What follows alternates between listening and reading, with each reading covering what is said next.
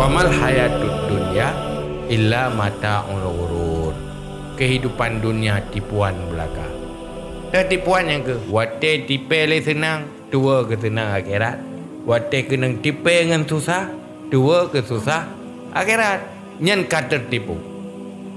Sehingga yang nala mulai katanya, picrok senang dunia, hindari susah dia.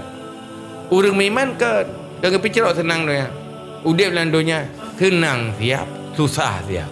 Pakat mandua untuk akhirat. Ha, Munya senang, nikmati, syukuri untuk menempat fala akhirat. Munya susah, sabar karena Allah untuk kesuksesan akhirat. Jadi orang beriman hanya pernah rugo di dunia. Untung tapi-tapi. Susah pergi untung, senang pergi beruntung. Pajan beruntung senang di saat mampu tak syukuri.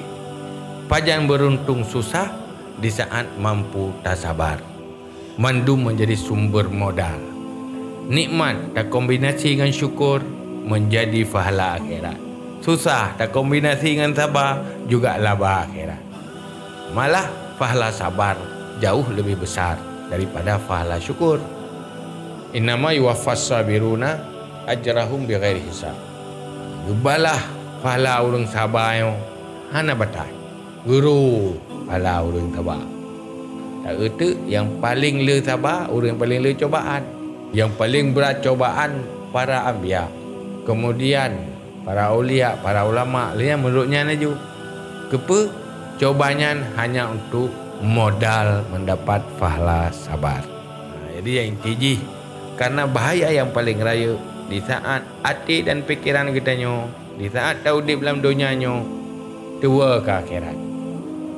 Maka perlu ilmu, perlu hati yang naik tibar. Semoga bagaimanapun kehidupan yang terasakan dalam dunia nyo, hanya untuk mengingatkan akhirat, maka pandai-pandai tagrak hati dan pikiran.